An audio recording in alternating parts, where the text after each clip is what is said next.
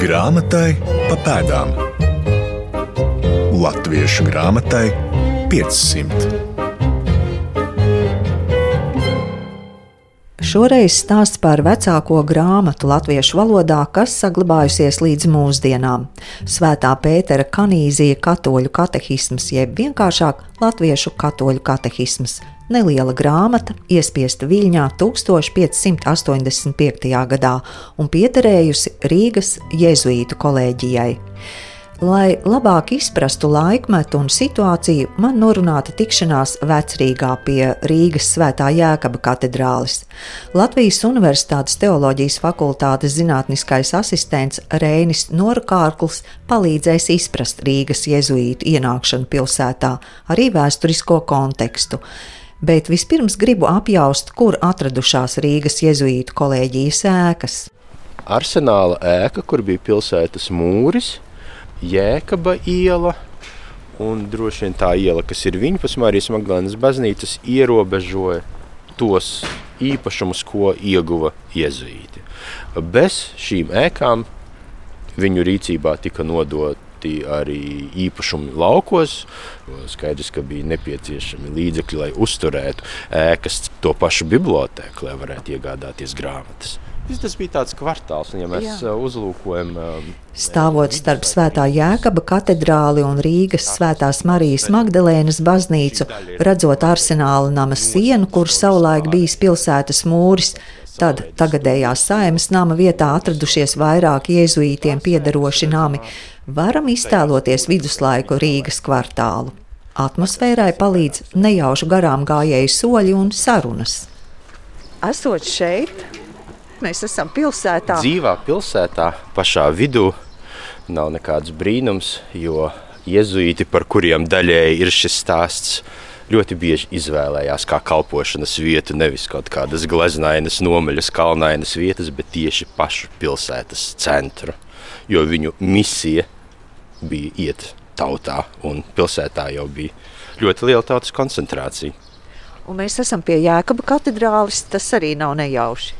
Jā, Jēkaba katedrāle un tai blakus esošā Marijas Magdalēnas baznīca kādreiz atradās Livonijas kontraformācijas norišu pašā, pašā centrā. Šo norišu aizsākumu varētu datēt ar 1582. gadu. Atgādināšu, ka šī gada janvārī tika noslēgts Jamzampaļas miers, kas izbeidza daudzus gadu desmitus ilgušo postošo Livonijas karu. Sākot ar 1582. gadu, bijušajās Livonijas zemēs, ne visās, bet lielākā daļā no tām jau pilnā mērā nostiprinājās Polijas Lietuvas vara. Šī paša gada aprīlī Rīgā ieradās Polijas Lietuvas valdnieks Stefans Batorijs, Polijas karalis un Lietuvas lielkņas, lai cita starpā nokārtotu arī reliģiskas dabas jautājumus, kas bija ļoti, ļoti aktuāli. Kā zināms, reformācija Rīgā un Livonijā guva pilnīgu virsroku pār veco katoļu tradīciju, tā uzvarēja, un uz brīdi, kad šeit ieradās Stefans Batorijs, Katoļu baznīca šeit vairs nepastāvēja kā institucionāla parādība. Šeit vairs nebija katoļu draugu, šeit nebija pastāvīgi kalpojošu katoļu garīdznieku. Vienīgā liecība par pirmsreformācijas katolicismu bija Marijas Magdalenas uh, cisterciešu mūķņu klosteris, kas atradās tepatās blakus. Stefans Batorijs bijis pārliecināts katolis un kā valdnieks uzskatījis par pienākumu šeit atjaunot kādreizējo katoļu baznīcas klātbūtni. Tas daļai saistīts ar vēlmi Livonijas zemes integrēt Polijas Lietuvas valstī, un reliģija bija viens no veidiem, kā to darīt. Turpina Rēnis Norkārkls. Jēzuīti darbojās uh, mazliet diskrēti. Viņi atvēra nelielu skolu, bet uh, pa īstam kolēģija tiek nodibināta tikai 1583. gadā. Pavasarī, martā, kad šeit ierodas uh, jēzuītu ordeņa uh, Polijas provinciāls, tātad ordeņa provinces vadītājs Giovanni Paolo Campana, Itālijas organizācija bija starptautiska, varētu teikt, jo īpaši sākuma posmā Polijas Lietuvas valstī bija pārstāvēti arī diezgan pamanāmi Dienvidu Eiropas. Izcelsmes jēzuīti, spāņi, itāļi. Pirmām kārtām jēzuīti apmeklēja Rīgas rāti un paziņoja par to, ka karalis ir pieņēmis lēmumu un pat jau ir dibinājis oficiāli jēzuītu kolēģiju, tātad jau pastāvīgu kalpošanas vietu ar skolu. Šo Karaļa ieceri ir arī apstiprinājis pāvests Gregors 13. Nu, Rīgas rāte bija nostādīta fakta priekšā. Kolēģi uzsāka savu darbību Marijas Magdalenas klostra telpās. Skolas savukārt darbojās tajās pašās ēkās, kur iezīti bija apmetušies sākotnēji, tātad saimas nama vietā. Kā arī dzinieki uztvēra iezītus, protams, bez jebkādas sajūsmas, mēs lasām par to, ka uh, jēzuītu baznīcai tika ar akmeņiem izdauzīti logi, kā viņiem uzbruka fiziski, viņus apsaukāja, uh, balansēja uz uh, jau plašāka konflikta robežas. Konflikts tiešām izcēlās, tie ir zināmie kalendārie nemieri, kuru saknes gan nebija tikai reliģiska rakstura. Kalendāro nemieru laikā iezīti vairāk kārt bija spiesti pamest Rīgu, taču par viņu rezidenci, par mītnes vietu kļuva Rīgas pils. Tepat tās netālu, dažu simtu metru attālumā no kolēģijas, bet jau ārpus pilsētas mūriem, jo Rīgas pils neiekļāvās Rīgas pilsētas jurisdikcijā. Viņi atgriezās šeit 1591. gadā un darbojās bez pārtraukumiem līdz pat 1621. gada rudenim, kad Rīga krita Zviedru rokās. Grāmatai pa pēdām. Zviedru karaspēkam ieņemot Rīgu, Rīgas jēzuītu kolēģijas bibliotēka 1621. gadā tika pārvietota uz Zviedriju un mūsdienās veido vienu no senākajām grāmatu kolekcijām Upsalas Universitātes bibliotēkas krājumā. Vērtīgo eksemplāru vidū Svētā Pētera kanīzija katoļu katehisms, senākais saglabājies latviešu valodā drukātais teksts. Būtībā nu šis ir faksimils. Orģināls ir Upsālā. Latvijas Nacionālās bibliotēkas Letonikas un Baltijas centra galvenajai bibliogrāfei Renātei Bergai rokās pavisam maza grāmatiņa - katoļu katehisma faksimila izdevums lai labāk izprastu 15. un 16. gadsimta tipogrāfiskās darbības sasniegumus, Renāta uzsver, ka tā laika tipogrāfiskās meistarības attīstība ir apbrīnojama. Jau 15. gadsimtā iespieda ne tikai kogriezumu, bet īpašos gadījumos arī vara grebuma ilustrācijas tika operēts ar dažādiem alfabētiem, iespiesti sarežģīti juridisko tekstu kodeksi, bija izdevumi, kuros iestiprināti kādi rotējoši no papīra izgriezti diski, arī tabulas, schēmas, geogrāfiskās kartes, kā lielformāta ielīmes. Bet te senākā līdz mūsdienām saglabājusies grāmata latviešu valodā. Uz šī fona izskatās, varam teikt, mazliet necili un vienkārši. Tas ir 7 līdz 12 cm liels sējums. Tajā ir 1,36 lapas, kas nesatur ne greznus iniciāļus, ne ilustrācijas. Taču mēs zinām, ka šīs mazās grāmatiņas kultūra vēsturiskā nozīme piešķirtai latviešu grāmatniecības vēstures pieminekļa status.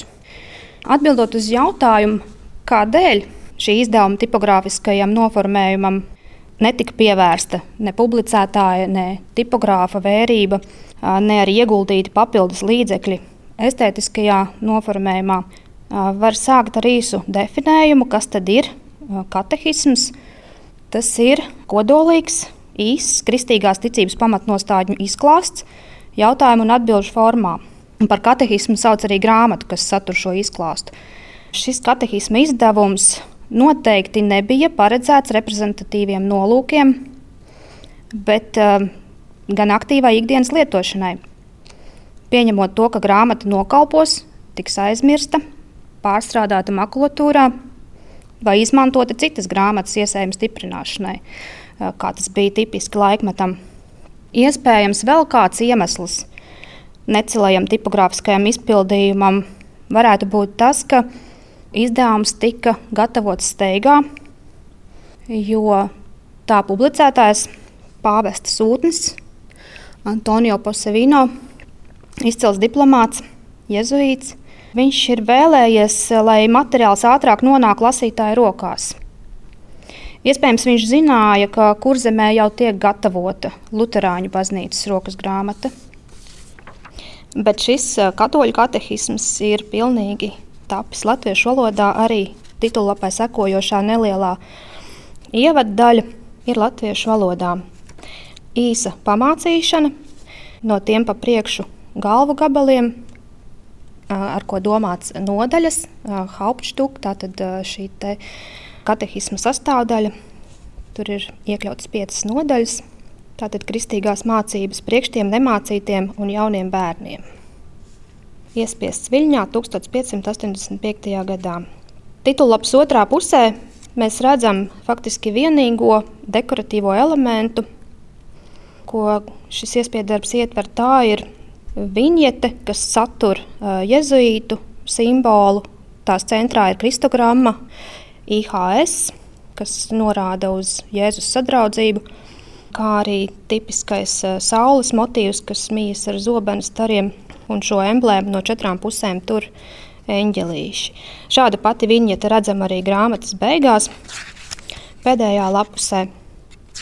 Kad Rīgas jēzuītu kolēģijas grāmatu krājums nonāca Upsalas Universitātes bibliotēkā, ilgu laiku par katoļu katehismu nekas nebija zināms. Šī mazā grāmatiņa ir eh, atradusies krājumā kā ierindas vienība ilgus gadsimtus, un tikai 1911. gadā, kad eh, poļu zinātnieku komisija bija devusies uz Upsālu pētīt eh, poļu valodā un polijā tapušas saniespiedumus, viņi nejauši pamanīja, ka šī ir nesaprotamā, varbūt uzreiz valodā iespiesta grāmatiņa, un konstatēja, ka tā ir latviešu valoda, un arī būtībā momentā konstatēja šī izdevuma vērtību un arī unikālo statusu, jo šāds izdevums tātad iepriekš nebija zināms vēstures un grāmatniecības pētniekiem.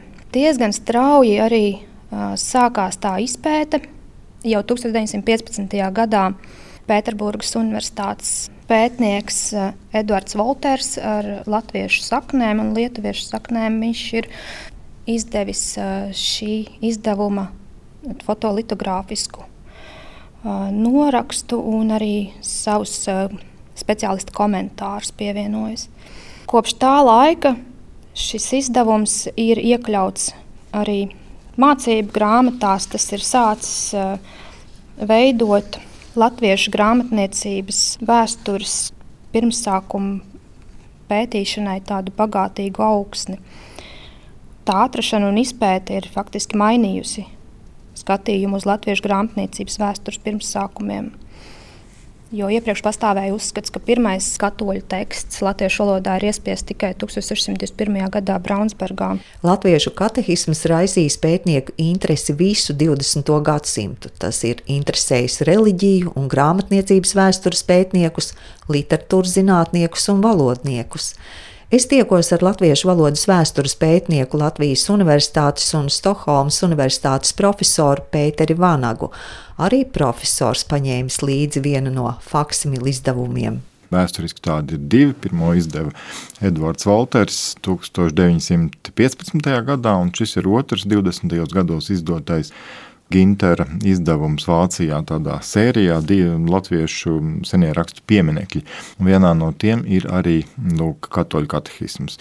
Šis konkrētais eksemplārs ir pie manis nonācis no manas Lietuvas drauga, kolēģa, mm, kurš savukārt to mm, ieguva no cita lietuviešu valodnieka, no tāda pazīstama mm, valodnieka bija Jons Kabelka. Un viņa rīcībā šis eksemplārs bija nonācis. Es vairs neatceros, vai viņš pats tur bija bijis vai kāds cits, bet no Kēnigsbergas, mūsdienu Kaļiņingradas, tad, tad no mm, universitātes drupām Tad, kad pēc kara nu, bija speciāli braukts un meklēts grāmatas, kas tur būtu palikušas. Šis izdevums ir piederējis Kenigsbergas Universitātes Baltslāvu semināram, kurš pastāvēja tur.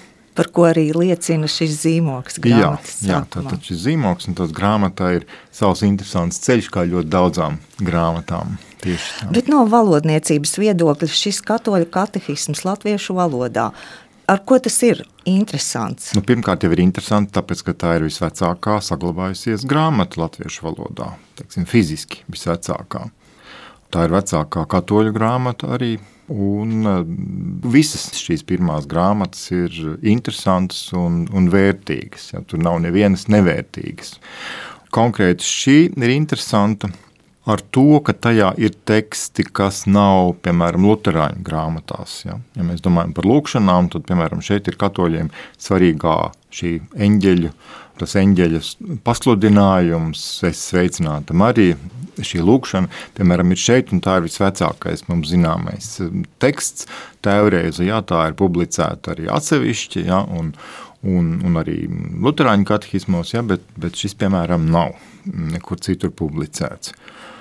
Kā jau daudzas tā laika grāmatas, it sevišķi, ja mēs runājam par katehismiem, kas ir tulkotas tautas valodās, nedomājot tikai latviešu, bet arī teiksim, lietuviešu, arī prūšu, arī igauņu un citām tautām, tad eh, parasti šie izdevumi nav tādi viendabīgi.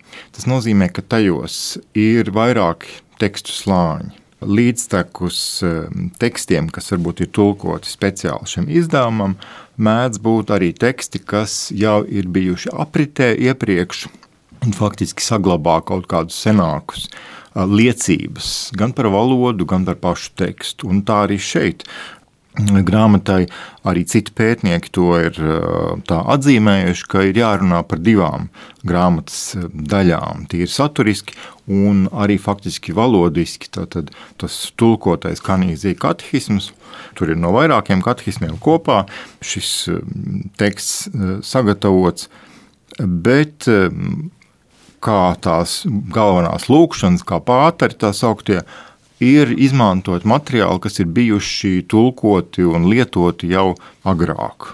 Un vairākas pazīmes arī liecina, ka tiešām šeit ir darīšana ar tekstiem, kas ir vecāki nekā 1585. gads. Tātad attiecinām uz laiku pirms reformācijas, tad 16. gadsimta sākums, vai varbūt arī pat vēl vecāks laikmets varētu būt. Un jūs prāt, šis teksts ir tulkots no vācu valodas? Jā, tas ir pilnīgi skaidrs, arī ar to ir pētnieki darbojušies, un neapšaubām, ka tekstam ir izmantots vācu valodā esošie Pētera Kanīzija eh, katehismi teksti, eh, bet nav zināms kāds viens konkrēts avots. Ja? Tas arī ir pētīts, Bet, eh, kā jau arī grāmatiņas priekšvārdā ir teikts, ja grāmatiņas priekšvārdā ļoti skaidri ir norādīts, ka tā nav viena, kā no tās cienīgas kungas, kā nīzija, maze un liela katehismus, maze un liela katehismus, mazais un lielais, no daudziem svareni teikts, un pie visiem drīzi par to turēts top, ka tas pats īšķim laikam nomanīgi augļus iekšantās kristības draudzības darījis ir – Un um, te ir iekšana šo mazu grāmatiņu, sagrābts, tapts, tad kopā saņemts. Nav neviens pilnīgi identisks teksts. Ja mēs redzam tās vietas, kas sakrīt, kur skaidri redzams, ka tas ir tulkots no šāda teksta, bet citur atkal atšķiras. Un ko mēs nezinām, mēs nezinām, kas šo salikumu, šo kompilāciju ir veidojis. Es pieļauju, ka jums arī ir daudz un dažādi rakursi par šo katehismu, par ko runāt, varbūt izceliet kādus svarīgus tieši no valodniecības viedokļa. Uh, varbūt no valodniecības vai no teksta viedokļa ir svarīgas šīs divas daļas. Ir tā vecā, tā lūkšanu daļa, un ir katehisms pats tie jautājumi un atbildes šīs divas daļas rāda atšķirību, un uz ko norāda galveno atšķirību. Galvenā atšķirība norāda uz to, ka tieši šis tulkotais, vai teiksim, jauntulkotais teksts, to visticamāk ir tulkojis cilvēks, kas latviešu valodu nav pratis pārāk labi. Un tas arī liecina par labu hipotēzi par Ertmanu Tolksdorfu kā grāmatiņas tulkotāju. Mēs zinām, Ertmanu Tolksdorfa šis dzīves ceļš vai viņa ceļš latviešu zemēs ir pietiekami labi apzināts. Ja viņš ir 1582. gadā ieradies, bijis Rīgā, pēc tam Valmierā, šeit arī apguvis latviešu valodu. Un tad arī viņa tajā jēzuīta biogrāfijā ir minēts, ka viņš ir sagatavojis katehismu, ka viņš ir arī vēl citus darbus sagatavojis. Un šīs grāmatas valoda varētu liecināt ļoti labi, ka tas ir cilvēks, kam latviešu valoda pirmkārt nav dzimtā. Tur mēs varam redzēt, ka ir tādas iezīmes mm, valodā, kas vispār nav nekur sastopams latviešu valodā. Nu, tas pats jau pieminētais, kur ir tās cienīgas kungas, kā nīsī, mazu un lielu katehismus. Tas cienīgas kungas, kas ir domāts tā cienīga kunga, Un kanīzija ir latīniski, ja, un tas skaidri rāda, ka tā ir ģenetīva forma no kanīzijas. Tas ir ļoti raksturīgi, bet tās formas ar es, kas nekad nav latviešu valodā nekur sastopams. Un tādas šajā tekstā ir šur un tur pietiekami daudz, bet tās nav tajos vecajos pātros. Un šādas formas, kā tāds vispārinājums vai hipervispārinājums, ir ļoti raksturīgas tā sauktajai starpvalodai. Tas ir valodas formai, kas rodas valodas apguvēja galvā, kad cilvēks vispārina, ja neprotot īsti valodu, viņš savu gramatiku veido galvā. Un te mums jāņem vērā, ka Tolksdorfs vai jebkurš cits tajā brīdī, kas iebrauca šajās zemēs, valodu apguva tikai no tā, ko viņš dzirdēja praktiski. Piemēram, pagātnes formas. Tur nav daudz, jo tekstiņā ir pavisam sešas pagātnes formas, bet, ja mēs uz viņām paskatāmies, tad uh, tās ir tādas, drusku viņas ir vienveidīgas, ja, bet arī dīvainas. Ir uh, vispārināts tā, it kā pagātnē būtu vienmēr bijis jē, mēs zinām, ka ir sacīja, piemēram, sacīja, viņam ir sacīja, bet ir arī nesēji, ieņēmēji, brēcēji, devīji un šķīrīji. Tad, tad visur tas jēga ielikts klāt, it kā tas būtu vienīgais, kā mēs veidojam pagātnes formu. To nevar būt rakstījis cilvēks, kas valodu būtu labi apguvis, vai kam tā valoda būtu dzimtā vēl jau vairāk. Jūs arī esat redzējis šo oriģinālu Upsalā. Jā, jā tas man bija tāds, protams, arī liels piedzīvojums, jā, aizbraucot tur, vēl toreiz kā jaunam cilvēkam, jaunam pētniekam, vien, laikam bija pirmā vai, vai otrā reize nonākot rietumos, vēlīnos padomju gados, jā, nonākt pie šī unikuma, jā, turēt rokās pirmo grāmatu latviešu valodā, ko tolaik man īpaši palīdzēja toreiz tikt pie viņas klāt un viņu turēt rokā toreizējais jau laikam pensionētais bibliotekārs Leons Čuiba, kurš bija strādājis Upsals universitātes bibliotekā, bet saviem veciem sakariem viņš mani aizveda un tā īpaši aprūpēja, lai es tiktu ātri pie šīs grāmatas klāt un to varētu turēt rokās. Ceļš jau droši vien kā visur jāpasūta un tad šo protams, grāmatu. Protams, jā, tā tas ir un, un Toreiz varbūt bija vienkāršāk, ja ar laiku visas šīs eh, gan tās grāmatu izmantošanas, gan apiešanās ar grāmatām mainās. Ja, ir eh, šodien daudz, kur, lai tiktu pie tādām grāmatām klāt, ir, ir varbūt jāliek arī maska un jāvelk cimdi rokās, ja, un maz nevar tā. Toreiz tas bija vēl pietiekami vienkārši, ja, protams, tas bija speciālajā lasītavā, ja, bet, bet tomēr nu, bija iespēja to grāmatu turēt rokās, un arī vēl viena lieta, es salīdzināju toreiz ar šo, šo izdevumu, kas manā priekšā te ir. Un tad izrādījās, ka, ka šis tā sauktais faksimila izdevums ir diezgan retušēts ja, un pārlabots un neatbilst oriģinālam. Un, un tas bija tāds man arī atklājums, ka faksimīlis izdevums var arī nebūt gluži faksimīls. un tas oriģināls viņš ir tāds laika zobe jau skarts. Jā, bet šķita? tomēr vienlaikus viņš arī ir labā stāvoklī, jā, labi saglabājies. Tad zviedri nav pavisam sabojājuši. Nē, nē, nē zviedri galīgi nav sabojājuši. Mēs varam priecāties, ka kaut kas visos šajos uh, sarežģītajos laikos, kas mums gājuši pāri arī par to, ka kādas grāmatas, kādi izdevumi, rokraksti ir nonākuši vietās, kur nav gājuši pēc tam kari tik ļoti pāri, kā tas ir pie mums, ja, un, un saglabājušies. Kas to zina, vai paliekot šeit, tās grāmatas būtu sagaidījušas mūsdienas. Grāmatai pa pēdām.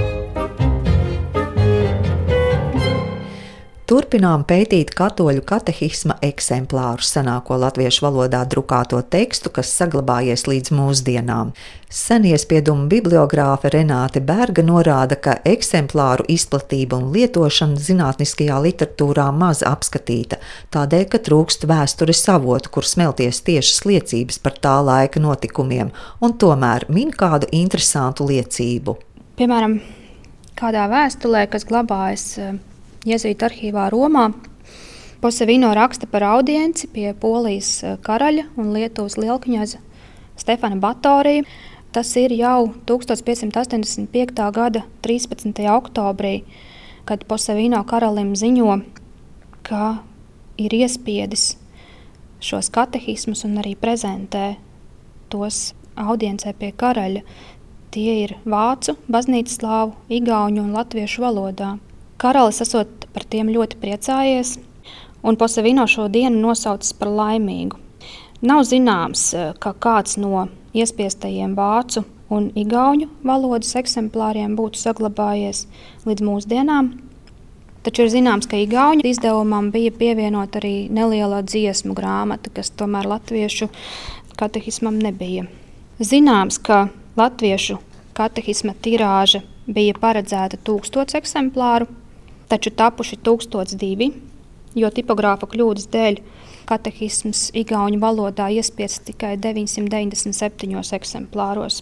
Lai arī tiem laikiem šis apjoms ir ievērojams, tika pieņemts, ka tas atbilst sagatavotajam lasītāju skaitam.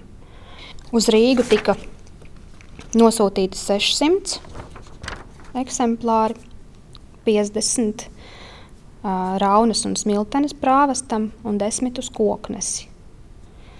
Par pāri palikušajiem nekas nav zināms. Mūsu eksemplārs, kas ir atrasts Upsalā, tam nav gandrīz nekādu individuālo pazīmju.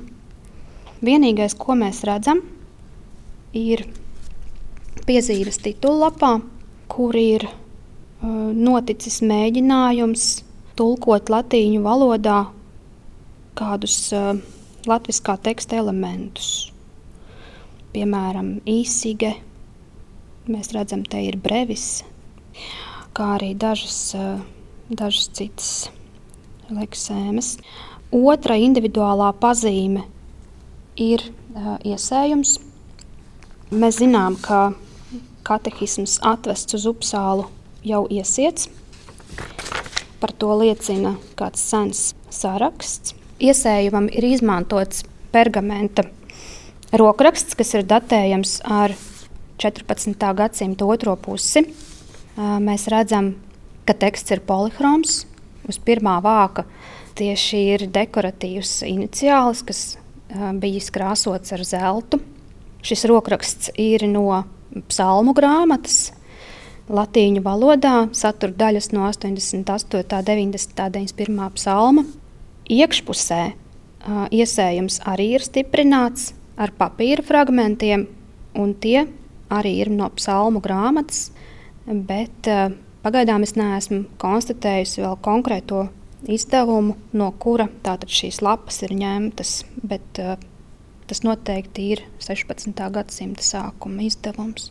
Tā bija ierasta prakse izmantot iesējumam vairs neaktuālus pergamentu vai iespiestā teksta fragmentus.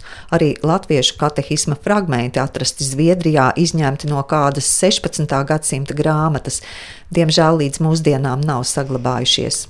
Taču 1931. gadā Polijā Varšavas Universitātes bibliotēkā tika atrasts kāds 16. gadsimta beigu iespiedu darbs kura iesējumā tika identificēti latviešu katehisma fragmenti un arī izņemti no šī iesējuma ar mērķi tos restaurēt.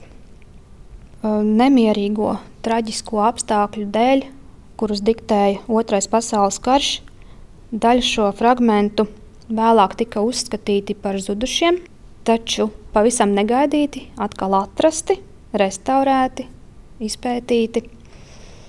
Un tādējādi veidojot um, īstu detektīvu stāstu, vesela gadsimta vai pat varam teikt četru gadsimtu garumā, jo mums tā arī nav skaidrs, kādēļ tikai kādus 12 gadus pēc iespiešanas šī latviešu katehisma fragmenti tika izmantoti jau citas grāmatas iesējuma stiprināšanai. Tātad atzīti par katehēzei, varam teikt, nederīgiem un savai tiešajai izmantošanai vairs netika piemēroti.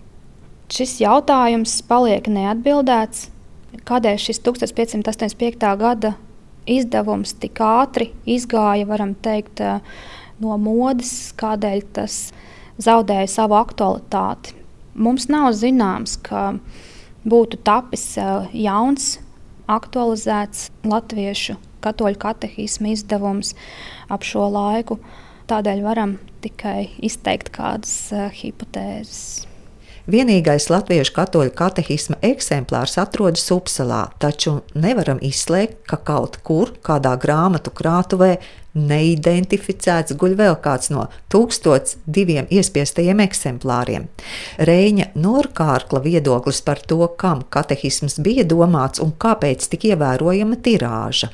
Ja mēs runājam tieši par uh, latviešu valodā iespiesto katehismu, tad tas bija domāts uh, pirmām kārtām latviešiem un uh, viņu garīgajiem aprūpētājiem, katoļu priesteriem. Ne tikai jezuītiem, bez jezuītiem jau no 1582. gada Livonijā darbojās arī ordenim nepiedarošie bīskapīs garīdznieki, tā dēvētie, arī Ertmans Tolgsdorfs, kā ticams šī katehisma tulkojuma autors Livonijā ieradās un šo tulkojums sagatavoja nebūdams jēzuīts. Tas arī mums ir jāpatur prātā, lai gan jēzuīti ir stāvējuši klāt pie šī katehisma sagatavošanas. Tā iniciators uh, pāvesta legāts jēzuīts Antonio Pasevino, uh, kas arī organizēja katehisma iespiešanu Viļņā. Tie nebija tikai jēzuīti, kas bija iesaistīti šajā projektā. Man parasti arī interesē, vismaz domās iztēloties, kurš šis grāmatu krājums glabājās, vai par to ir kādas liecības kaut kur kolēģijas telpās, acīm redzot, cisterciešu klostera uh, ēkā.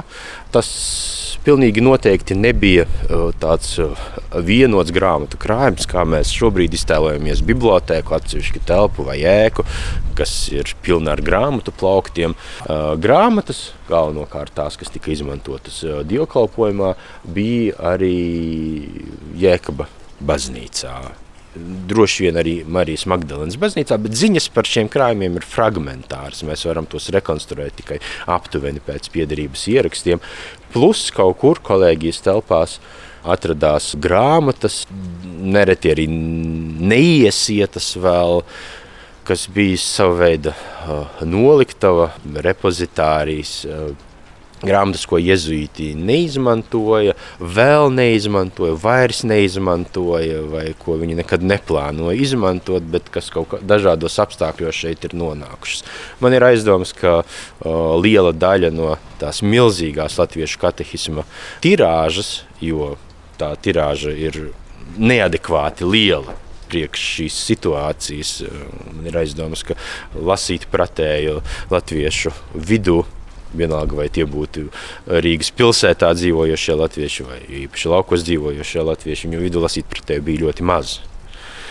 Un arī šeit nebija tik daudz katoļu garīdzinieku, kuriem šis katehisms būtu nepieciešams. Acīm redzot, šī visa tirāža tika iespiesta domājot par kaut ko tālējošāku, bet eh, visdrīzāk liela daļa no šīs tirāžas arī nonāca šajā neizmantoto grāmatu krājumā. To jau mēs redzam pēc tā, ka zināmi eksemplāri ir saglabājušies pateicoties tam, ka tie bija izmantoti citu grāmatu iesējumiem. Katehisma izdevumam atkal pievērsta pētnieku uzmanība. Tas tādēļ, ka pabeigta Rīgas jēzuītu kolēģijas grāmatu krājuma rekonstrukcija, ko Latvijas Nacionālā bibliotēka veica gandrīz četru gadu garumā. Kādas vēl unikālas grāmatas šajā krājumā Renāte Berga min dažus spožus eksemplārus. Viens no tiem ir kāda 1507. gadā Leipzigā tapusi katoļu rituālu agenda, kurā ir konstatēts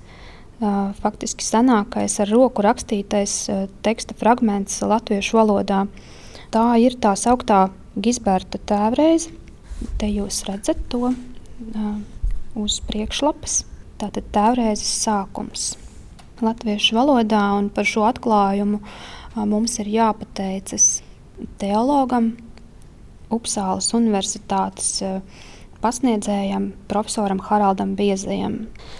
Haralds Biezais ir transkribējis arī Svētā Jēkaba draudzes laulāto un kristīto personu sarakstu, kas arī ir saglabājies Upsālā kā Rīgas jezuītu kolēģijas mantojums. Jezuītu vēsture nav tikai grāmatu vēsture, baznīcas vēsture, tā arī ir saimniecības vēsture. Un, starp citu, tieši iezīta saimniecības vēsture vēl padomju laikos bija izpētīta ļoti labi. Un tad nu, mēs redzam, no kurienes pienāk vīns, siers, kādas garšvielas iezīti iepēr, ko viņi saņem dāvanās, piemēram, apelsīnas no Rīgas rāckungiem vai marcipāna. Un tu saproti, ka Tā nav nekāda nomale. Šeit viss notiek. Šeit iezīti pievieno ēdienam safrānu un mandelas. Izklausās kārdinoši. Bet kāds bija Rīgas jēzuītu liktenis pēc 1621. gada? Vidzemi nu, pakāpeniski, bet pilnībā pārņem Zviedri. Zviedrija, kas daudziem varbūt tās asociējas ar dažādām brīvībām, Daži apgalvo mīts par labajiem zviedru laikiem, bet uh, Zviedrija nebija toleranta valsts reliģiskā ziņā atšķirībā no Polijas Lietuvas, un šeit publiski bija atļauta tikai luteriskās ticības prakse. Tāpēc katoļi, tie, kas šeit ir palikuši, viņi bija spiesti uh, praktizēt savu ticību savos mājokļos un nedarīt to publiski. Šeit vairs nepastāvēja katoļu dievnami, jezuīti arī pameta pilsētu, Kādu laiku viņi uzturējās kolēģijas lauku īpašumos pie Rīgas, bet drīzumā arī tie nonāca Zviedru varā. Bet, uh, vairāki Rīgas un Cēsu jezuīti turpināja pēc tam kalpot uh, Latgalē, kas palika Polijas Lietuvas varā un kur jau drīzumā tika dibināta jezuītu rezidence Daugopilī, kas vēlākos gados pārtapa arī par kolēģiju esam apskatījuši posmu Rīgas jēzuītu kolēģijas darbībā, pārcilājuši viņu grāmatu krājumu, īpaši izceļot katoļu katehismu latviešu valodā, un to palīdzēja veikt senie spiedumu bibliogrāfe Renāte Berga, teoloģijas pētnieks Reinis Norkārkls un latviešu valodas vēstures pētnieks Pēteris Vanaks. Raidījuma padomdevējs Latvijas Nacionālā bibliotēka producente Santa Lauga par skaņu rūpējās Nora Mitspapa. No jums atsveicinās Laima Slava. Pēc nedēļas Latvijā meklēsim pēdas Lutera mazajam katehismam. Grāmatai pa pēdām Latviešu grāmatai 500.